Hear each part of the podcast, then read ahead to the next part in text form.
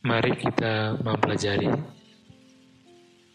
Daily Bible Study Februari 23 tahun 2023. Ada dua pernyataan, yaitu yang pertama, kuasa God dalam person ketiga dari karakter ilahi adalah roh kudus.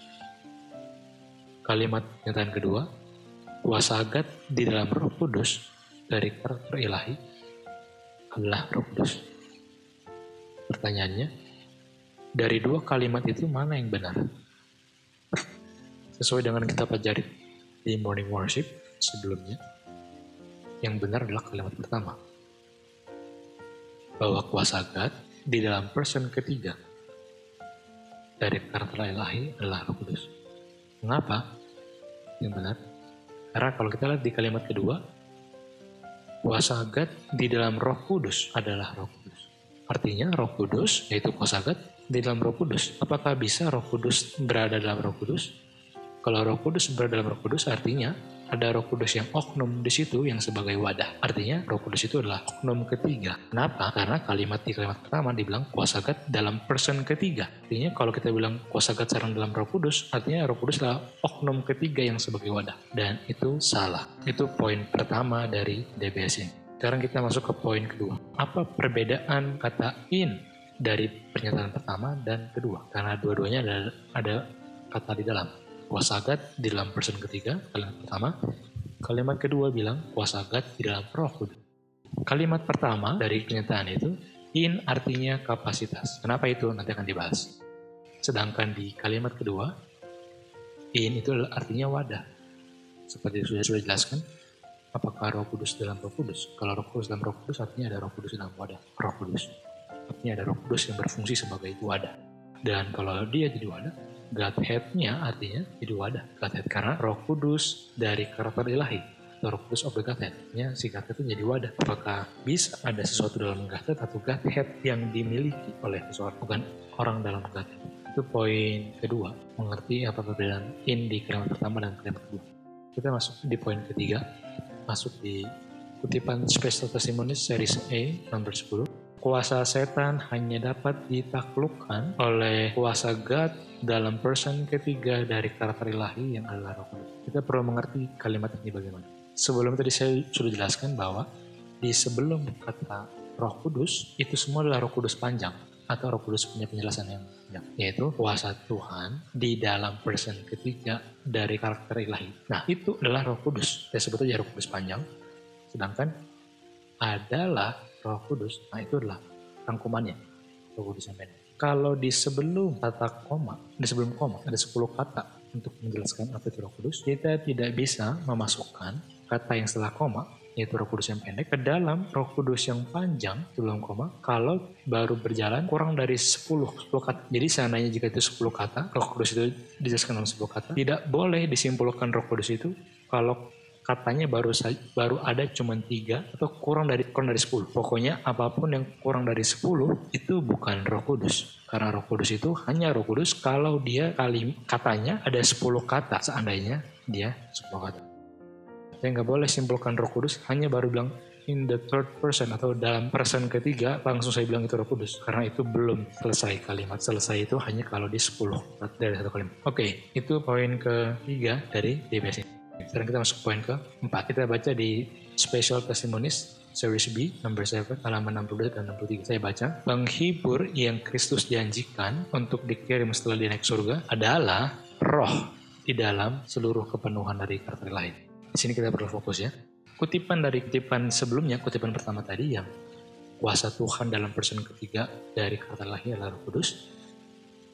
Kita mengerti bahwa kata roh kudus itu berada di ujung kalimat. Jadi itu yang sedang dijelaskan di sebelum kata Holy Spirit. Sedangkan di kutipan kedua diawali dengan kata penghibur. Dan setelah penghibur baru dia jelaskan adalah spirit. Saya nggak bisa menyimpulkan hanya karena kata spirit di, di kutipan kedua. Mirip dengan kutipan pertama waktu dibilang Holy Spirit atau roh sama dengan roh kudus di kutipan pertama. Terus bilang oh itu dia itu dia roh itu sama. Enggak. Bukan karena hanya kata spirit langsung artinya sama. Karena cara penulis menjelaskan, di kutipan kedua diawali dengan kata penghibur, yang adalah roh dalam seluruh penuhan lain. Sedangkan di kutipan pertama, kuasa Tuhan dalam pasal ketiga dari kata adalah, adalah roh kudus. Ini karena kata roh jadi sama enggak?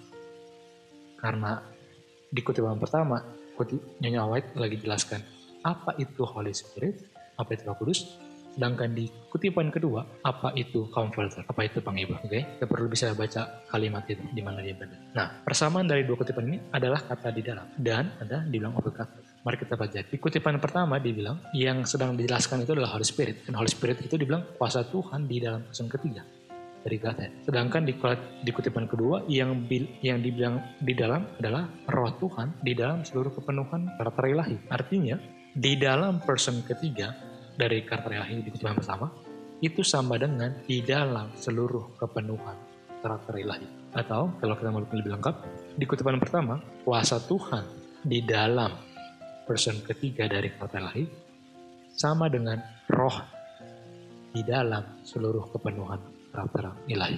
Kutipan pertama sedang menjelaskan apa itu roh kudus, kutipan kedua sedang menjelaskan apa itu penghibur.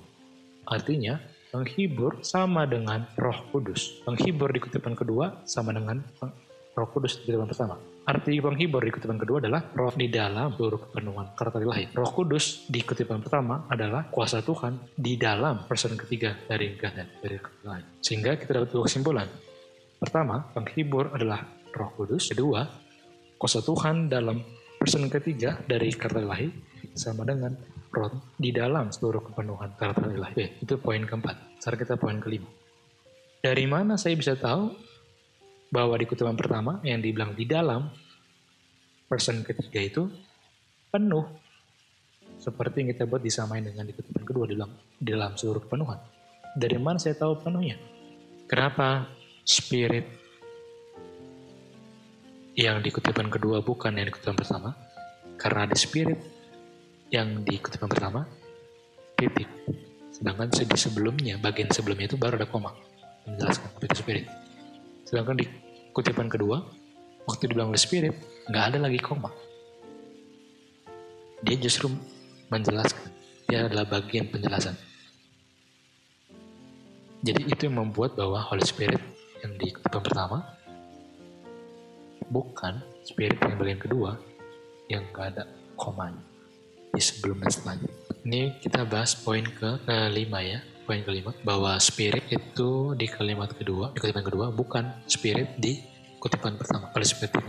Kenapa? Oleh spirit di kutipan pertama sebelumnya ada koma dan Holy Spiritnya itu ditempatkan di setelah koma. Artinya kalau kita mau taruh Holy Spiritnya di awal kalimat, di setelah Holy Spirit baru ada koma. Tapi karena dia di ujung kalimat, makanya dia dibikin di sebelum Holy Spirit, komanya. Oke, itu posisi kalimat pertama. Dengan kutipan kedua, waktu bilang Holy Spirit, dia nggak ada koma di sebelum dan setelahnya. Artinya dia bukan lagi jelasin Holy Spirit yang ada koma di kutipan pertama. Dia lagi jelaskan yang sebelum koma karena itulah yang nggak ada komanya. Sedangkan Holy Spirit yang di atas setelah koma. Yang di bawah nggak ada koma. Berarti ini bukan yang ada komanya. Ini harus yang nggak ada komanya. Atau sebelum koma. Itu spirit. Terus dia spirit yang kedua adalah roh kudus yang bagian panjang. Nah, yang kita masuk di poin ke-6. Kita masuk di Kolose 29. Dari mana saya tahu bahwa kutipan pertama itu juga penuh, padahal nggak dibilang penuh. Kalau kita cuma berdasarkan kutipan pertama, itu nggak penuh. Karena nggak ada kata fullness. Tapi dari persamaan tadi, ada kemungkinan dia penuh. Bagaimana cara buktikan? Mari kita lihat. Waktu dibilang di kalimat kutipan pertama, kuasa dari setan hanya bisa ditaklukkan. Dan kita baca di Kolose 9. Di dalam Tuhan Yesus berdiam in all the fullness. Berdiam seluruh kepenuhan dari karakter ilahi. Apakah Kristus pernah kalah lawan setan? Apakah setan pernah menaklukkan Kristus? Jawabannya tidak. Kalau tidak, artinya, waktu dibilang di kutipan pertama, kuasa setan hanya dapat ditaklukkan oleh kuasa Tuhan, itu artinya hanya bisa ditaklukkan kalau kuasanya penuh karena Kristus nggak pernah kalah. Kalau dibilang kuasa setan nggak bisa mengalahkan, itu karena Kristus nggak pernah kalah, yaitu menang karena full. Artinya, kutipan pertama juga bahas fullness, walaupun nggak dibilang fullness. Karena setan nggak bisa taklukkan Kristus yang di dalam Kristus selalu penuh. Tanpa perlu dibilang penuh, ada penuh. Gitu kan, Jadi, sampai di sini penjelasan kita tentang kata in. Persen ketiga dan in dalam kepenuhan dari karakter lain. Semoga membantu. Selamat review.